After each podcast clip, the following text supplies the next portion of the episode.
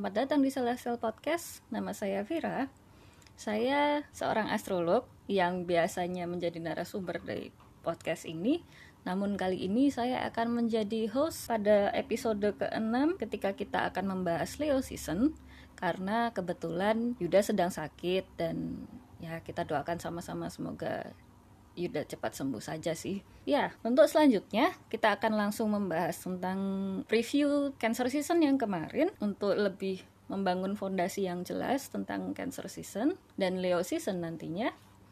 Kemudian kita akan lanjut membahas Leo Season sampai tuntas. Kita akan melihat ada transit apa saja yang penting di Leo Season ini. Terus bagaimana efeknya pada kita semua sampai nanti selesai. Oke, untuk Cancer season kemarin sih kita sudah mengalami banyaknya gerhana ya. Ada gerhana matahari, ada gerhana bulan yang itu sudah kita alami sejak 2017 lalu. Ya, gerhana ini mulai 2017 ketika Cancer season di 2017 silam dan mulai sejak itu terutama mereka yang memiliki uh, placement berat di Cancer dan Capricorn ya mulai merasakan bagaimana siklus gerhana ini membuat mereka diajak untuk dipaksa lebih tepat ya untuk belajar uh, menggali lagi apa yang mereka miliki rasa ketidakpercayaan diri, insecurities dan apa sih cita-cita mereka, apa sih yang mereka inginkan dari hidup ini dan segala macamnya tergantung dari house dan planet yang ada di sana itu akhirnya berakhir ketika Cancer season kemarin dengan gerhana bulan di Capricorn sebagai penutup siklus gerhana di aksis Cancer dan Capricorn yang sudah terjadi sejak 2017. Jadi kira-kira sekitar tiga tahun ini sudah berlangsung dan untuk orang-orang dengan placement yang berarti Aries, di Cancer, di Libra dan di Capricorn itu terkena dampaknya dengan sangat uh, solid ya. Tergantung di mana Cancer, Capricorn, Libra atau Aries mereka berada sesuai dengan house itu nanti menunjukkan di mana sih adanya perubahan dan goncangan yang mereka alami dalam hidup mereka. Misalnya eh, orang-orang uh, dengan Capricorn rising mereka akan merasakan adanya perubahan di mana mereka memperlakukan diri mereka sendiri dan pengertian mereka tentang komitmen bagaimana mereka melihat apa sih yang terjadi dengan komitmen yang mereka bangun dengan orang lain atau aksis ini terjadi di uh, house 3 dan house 9 karena Cancer dan Capricorn itu selalu berseberangan. Nah, orang-orang ini mungkin akan mengalami adanya dinamika drastis dalam dunia pendidikan mereka atau dalam keseharian mereka yang mungkin tiba-tiba berubah dengan drastis atau malah terasa stagnan saja. Kemudian adanya dinamika ekstrim eh, dengan komunikasi mereka bersama saudara mereka misalnya dengan kakak atau dengan adik Kemudian dinamika ini juga mungkin terasa dalam komunikasi mereka dengan tetangga-tetangga mereka, misalnya kehidupan bertetangga, terus mereka uh, mungkin pindah atau mungkin ada tetangga yang pindah. Lalu mungkin akses ini terjadi di house 5 dan house 11.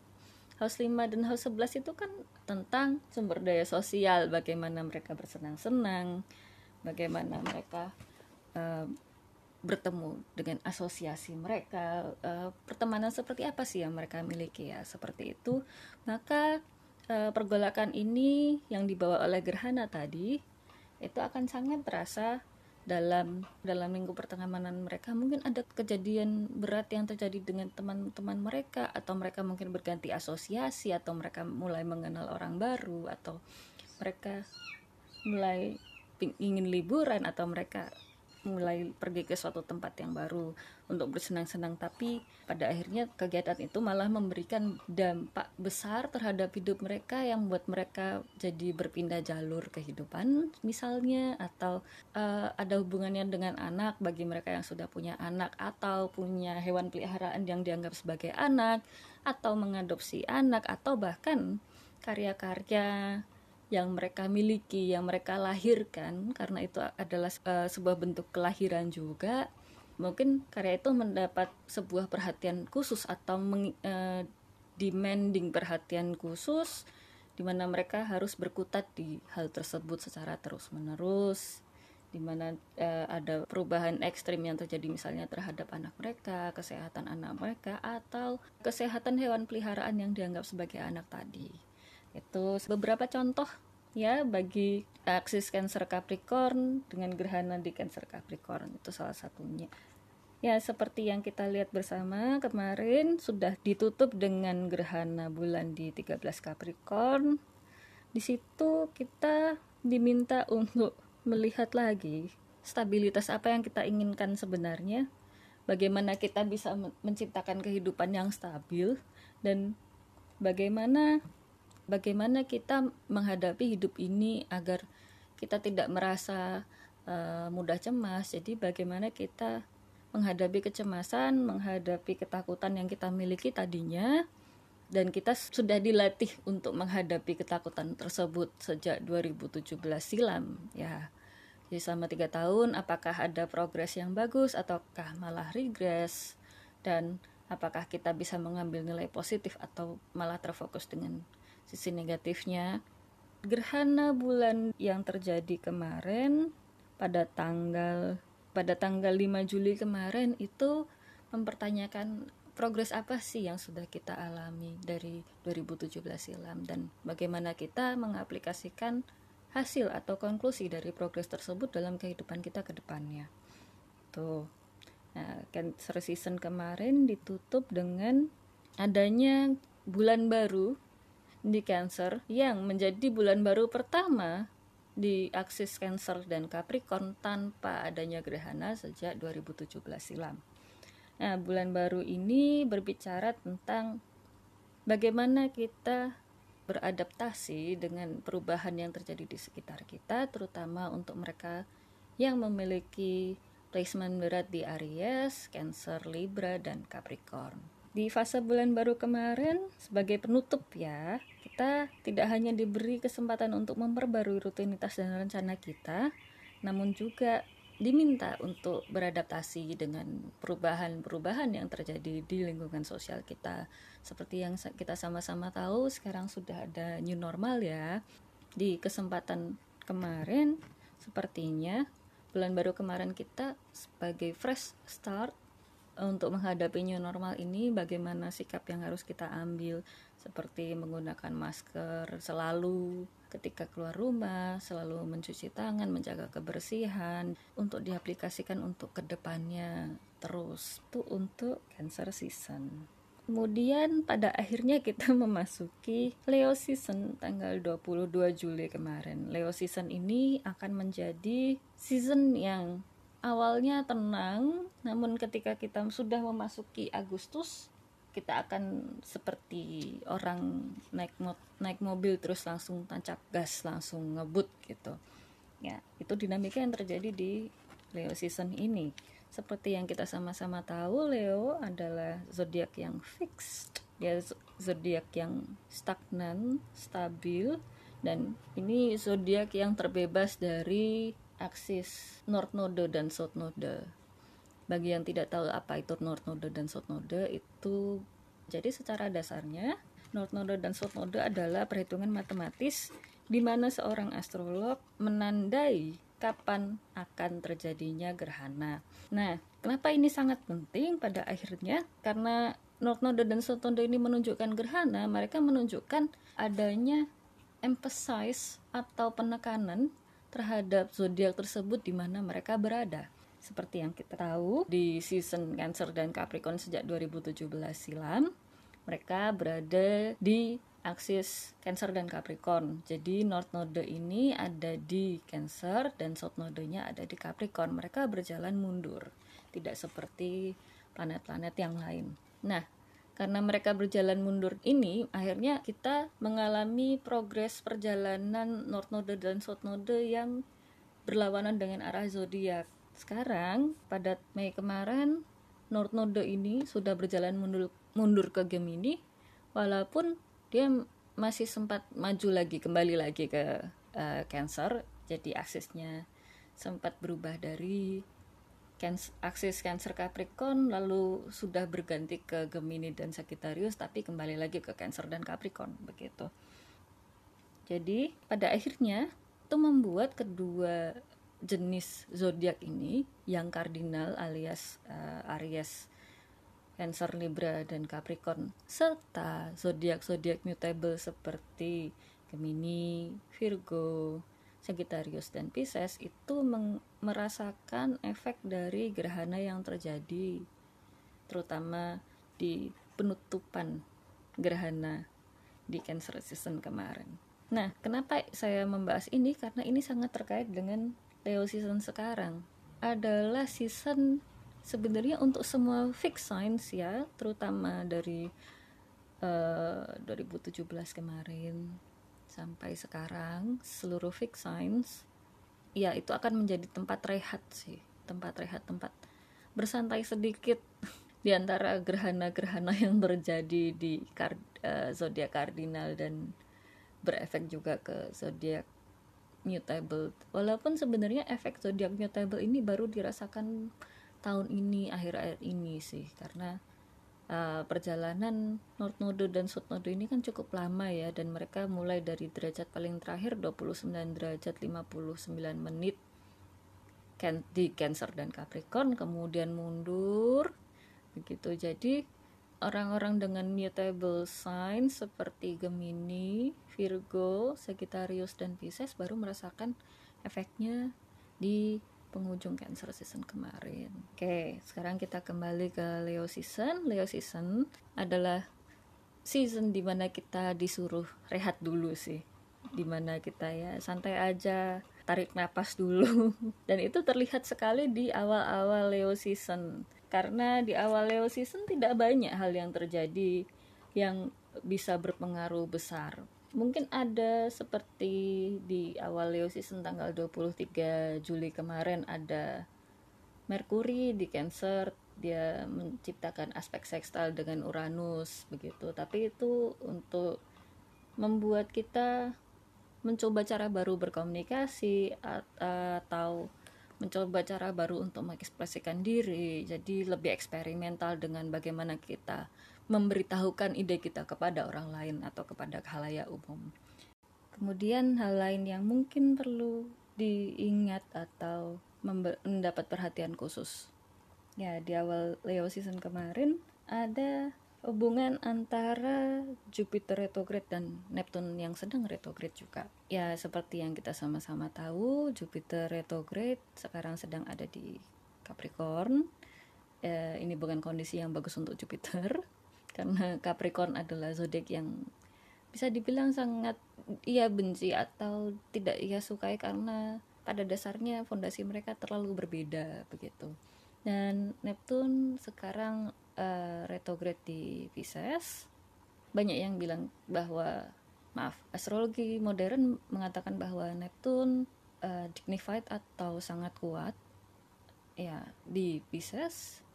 Namun karena saya seorang astrolog tradisional saya tidak menggunakan Neptune, Uranus maupun Pluto sebagai penguasa dari zodiak karena sistem kekuasaan planet-planet itu didasari oleh uh, diagram astrologi bernama tema mundi. Uh, bagi yang penasaran bisa dicari. Oke, kita lanjut. Tadi ada aspek antara Jupiter retrograde dan Neptune retrograde di awal Leo season tanggal 27 tepatnya. Aspek ini itu aspek yang memberikan penekanan berat terhadap intuisi dan spiritualisme. Ya jadi eh, pada hari ini bisa dikatakan pada tanggal 27 kemarin bisa dikatakan eh, intuisi kita akan lebih berjalan kita akan lebih kreatif. Kemudian eh, karena di sini ada Neptune tapi dia retrograde maka itu membantu kita untuk uh, sedikit terbebas dari efek membingungkan Neptune yang membuat kita uh, susah berpikir jernih uh, atau susah untuk membuat keputusan dan susah untuk menunjukkan memastikan ke mana tujuan kita. Ya di bawah aspek antara Jupiter retrograde dan Neptune retrograde ini kita akan sedikit mendapat istilahnya pencerahan gitu atau ya terbebas dari kebingungan-kebingungan terus tadi itulah.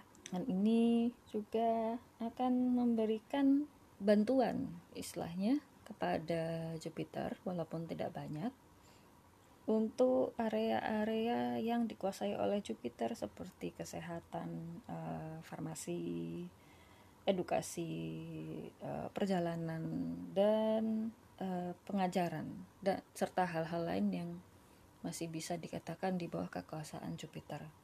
Ya, tapi aspek ini uh, bisa dibilang aspek yang tidak terlalu terasa dengan gamblang ya, mungkin lebih ke arah aspek yang terjadi secara internal atau secara diam-diam begitu. Nah, selain itu kita maju lagi ada sedikit masalah dalam komunikasi pada tanggal 28 Juli kemarin ada Venus yang menciptakan aspek dengan Neptune retrograde di sini membuat kita karena Venus ini kan tentang hal-hal yang indah ya dan Neptune di sini dia menghapuskan kebingungan begitu membuat kita lebih grounded lebih solid lebih konkret.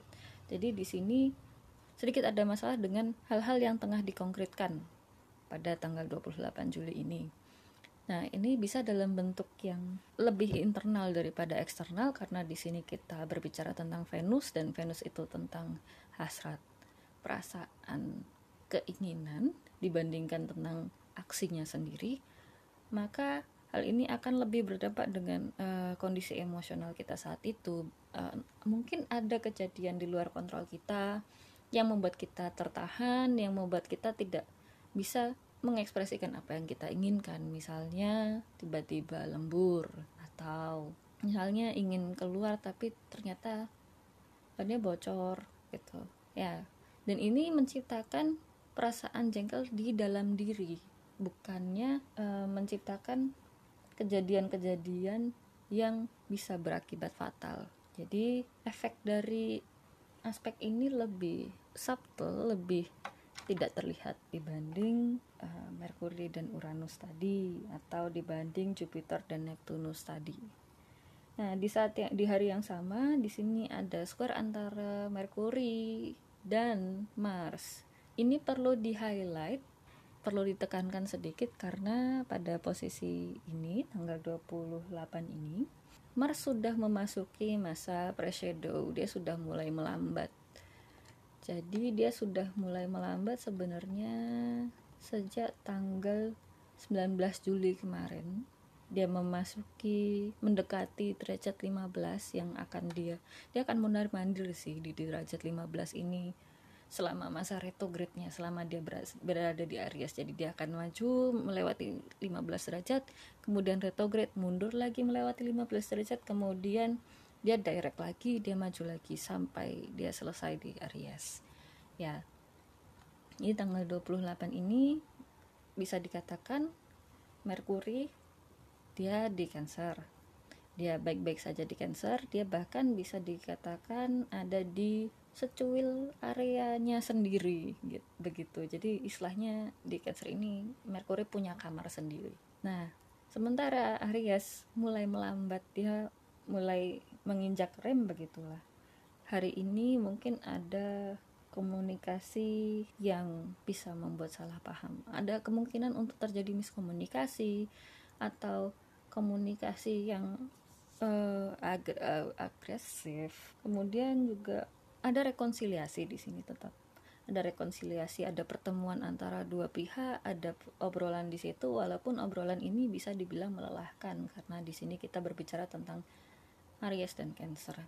Bisa melelahkan bisa uh, membuat ya suasana hati jelas tidak enak ya. Jadi bisa melelahkan bisa taking too much time gitu. Jadi menghabis sangat menghabiskan waktu. Bisa juga menciptakan adanya bentrokan-bentrokan ide di situ. Jadi di hari ini mungkin ada perasaan ingin membuat tindakan-tindakan yang decision ya, keputusan-keputusan yang life changing yang bisa merubah hidup tapi untuk hari ini sebisa mungkin jangan dulu karena hari ini bukan hari yang bagus untuk membuat sesuatu yang besar dalam skala yang besar seperti keputusan atau sebuah kegiatan ditahan dulu lusanya masih bisa dilakukan. Jadi untuk hari ini jangan dulu membuat sesuatu yang besar. Itu lalu ada lagi tanggal 30 ya tanggal 30 ada aspek antara Merkuri dan Jupiter yang tengah retrograde. Walaupun begitu, ini bukan aspek yang bis, sangat ditekankan, bukan aspek yang butuh penekanan karena aspek ini hanya bertahan sekitar beberapa jam saja. Ya, sekitar eh, uh, 7-8 jam. Di sini kita tanggal 30 ini kita akan terlalu reaktif gitu. Mencoba untuk uh, pushing the limits mencoba untuk bertindak lebih daripada yang seharusnya. Memang semangat yang bagus di situ. Hanya saja ini bukan waktu yang tepat karena di sini kita akan cenderung mudah anxious mudah cemas mudah gelisah. Jadi ingin melakukan hal-hal yang bisa melepaskan kecemasan kita namun dalam prosesnya itu bisa membuat kita jadi terlalu sembrono dan gegabah. Jadi di hari ini coba tarik nafas tahan dulu. Kalau bisa mendengarkan musik-musik yang menenangkan atau ngeteh aja lah gitu. Atau yang uh, merokok bisa merokok dulu. Jangan gegabah membuat keputusan jangan gegabah dalam berbicara karena iya pada hari ini apa pun yang dilakukan hasilnya bisa lebih besar daripada yang diperkirakan. Hanya saja hasil itu cenderung negatif dibanding positif. Begitu. Ya kemudian besoknya pada tanggal 31 ada Merkuri yang berhubungan dengan Neptune retrograde. Keduanya sama-sama ada di water signs ya elemennya sama-sama air. Nah di sini disarankan untuk hati-hati karena kita akan susah untuk berpikir dengan jernih begitu. Kita akan susah untuk membuat keputusan dengan baik. Jadi disarankan untuk mundur dulu melihat dulu apa sih yang terjadi begitu. Kemudian besoknya tanggal 1 kita memasuki Agustus pada akhirnya. Dan di Agustus ini tiba-tiba kita langsung disambut dengan tanggal 3 nya ada full moon di Aquarius ya. Di full moon di Aquarius ini pada akhirnya e, menjadi purnama pertama setelah Cancer season yang tidak diiringi dengan gerhana begitu. Nah, pada full moon ini kita ada di derajat 11 ya pada ini ya kita ada di derajat 11 11 derajat jadi sun ada di 11 derajat Leo dan moon ada di 11 derajat Aquarius di bawah full moon ini di bawah purnama ini kita akan diminta untuk menyadari dan mengakui perbedaan kita dengan orang lain. Jadi pada di bawah purnama ini yang terjadi di 12 derajat eh 11 derajat Aquarius dengan sun di 11 derajat Leo sana kita harus menyadari bahwa ada perbedaan antara setiap individu di dunia ini secara spiritual. Untuk melangkah maju, kita pertama-tama harus mengetahui bahwa perbedaan tersebutlah yang membuat kita menjadi individu yang berbeda, menjadi sebuah individu yang utuh, menjadi diri sendiri. Jadi, itu adalah sebuah pesan dari Purnama di Aquarius.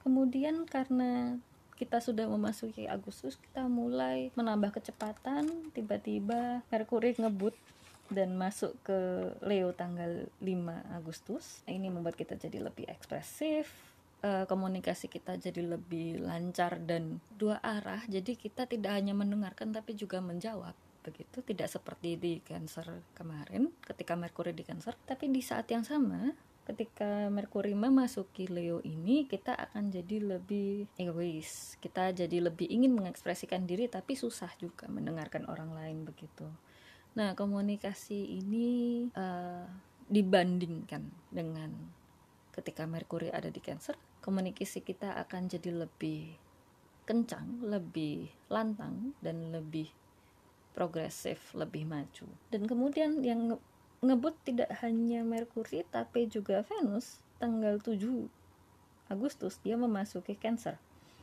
Nah, ini akan membawa dinamika yang berbeda dibanding Cancer season kemarin dan itu akan terlihat sangat nyata karena di Cancer season kemarin Venus berada di Gemini sementara sekarang Venus berada di Cancer dia akan menjadi lebih diam Venus karena Venus memang bukan uh, planet yang aktif dia lebih cenderung pasif dan berada di Cancer yang notabene zodiak yang pasif ya mereka akan saling mengerti satu sama lain. Jadi di sini ada kebah uh, Venus bahagia lah istilahnya di sini.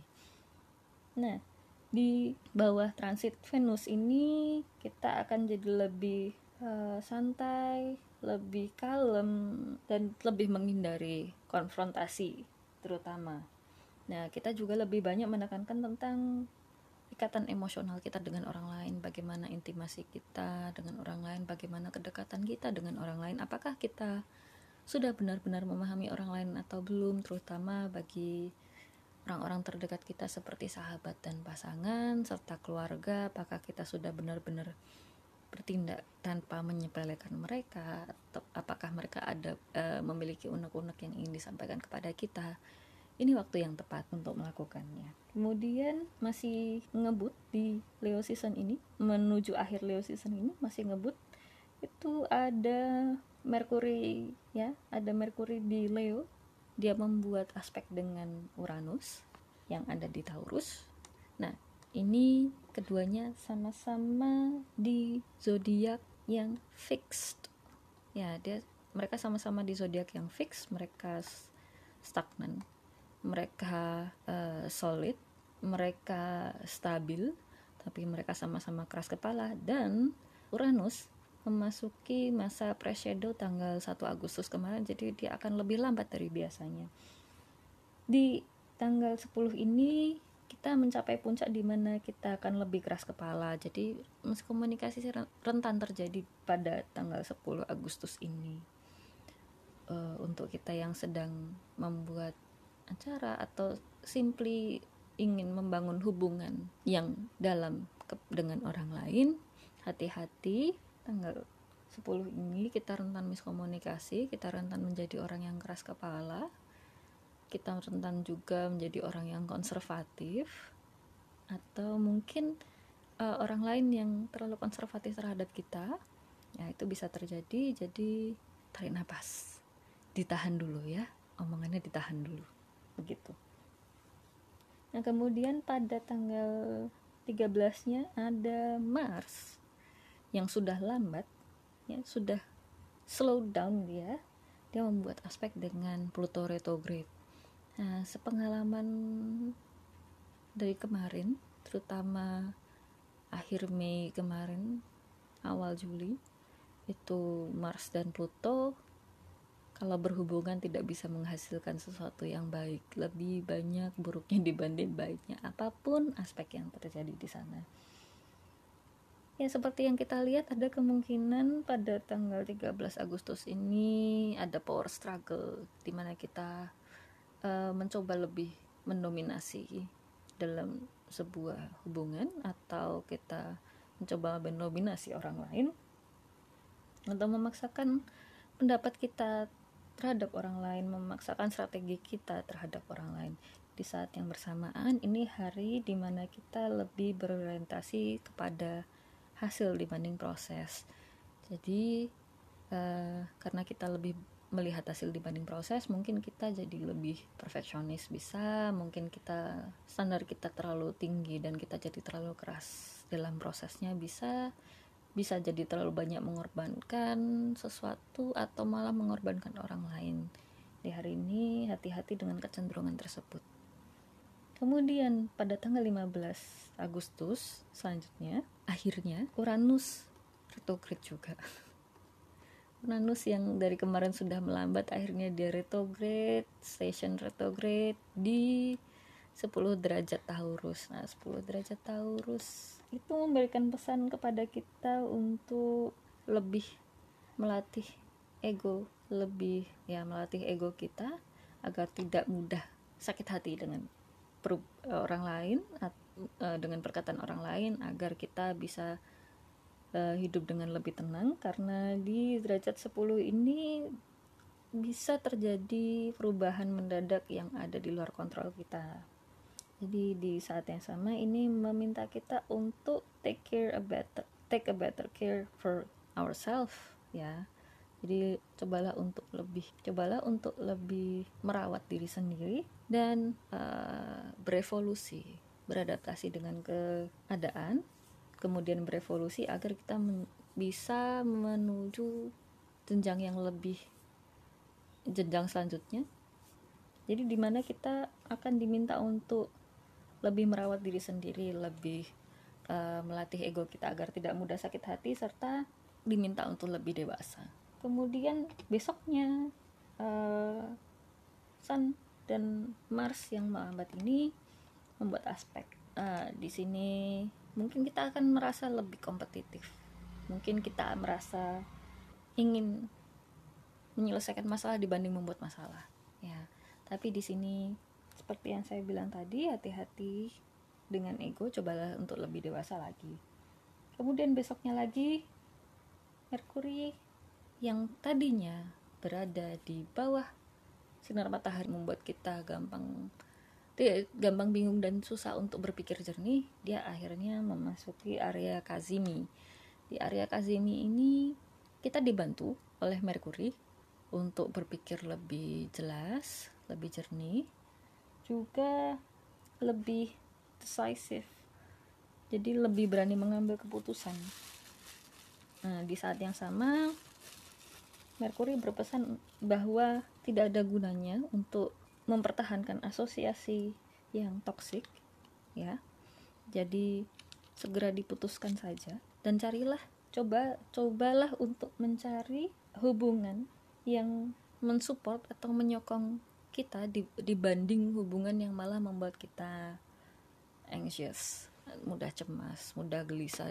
Hubungan-hubungan yang malah menekan kita. Nah di sini juga di hari ini juga kita menunjukkan adanya progres yang terjadi secara cepat dan beruntun begitu. Dibanding yang uh, sebelum-sebelumnya yang berjalan dengan lambat stagnan stabil hari ini progres kita akan uh, berjalan dengan cepat dan terjadi beruntun sampai kita tidak punya waktu untuk beristirahat. Kemudian hal terakhir yang harus diperhatikan di Leo season dan menutup Leo season ini adalah pada tanggal 20 Agustus nanti ketika Merkuri memasuki Virgo pada akhirnya. Ya, ya sebagai penutup yang manis, Merkuri memasuki Virgo dan kita akan menjadi lebih fokus terhadap detail lebih terorganisir dan lebih precise mengutamakan kesempurnaan gitu. Nah, di saat yang sama hari ini matahari berpesan bahwa kita tidak sendirian. Kita harus mengingat bahwa kita tidak sendirian. Kira-kira seperti itu ya. Semoga podcast ini dapat membantu Anda menjalani Leo season yang lebih tenang. Selamat rehat dan persiapkanlah diri untuk Virgo season mendatang. Terima kasih sudah mendengarkan. Saya Vira, astrolog sekaligus host di episode kali ini. Ini Celestial Podcast. Bye.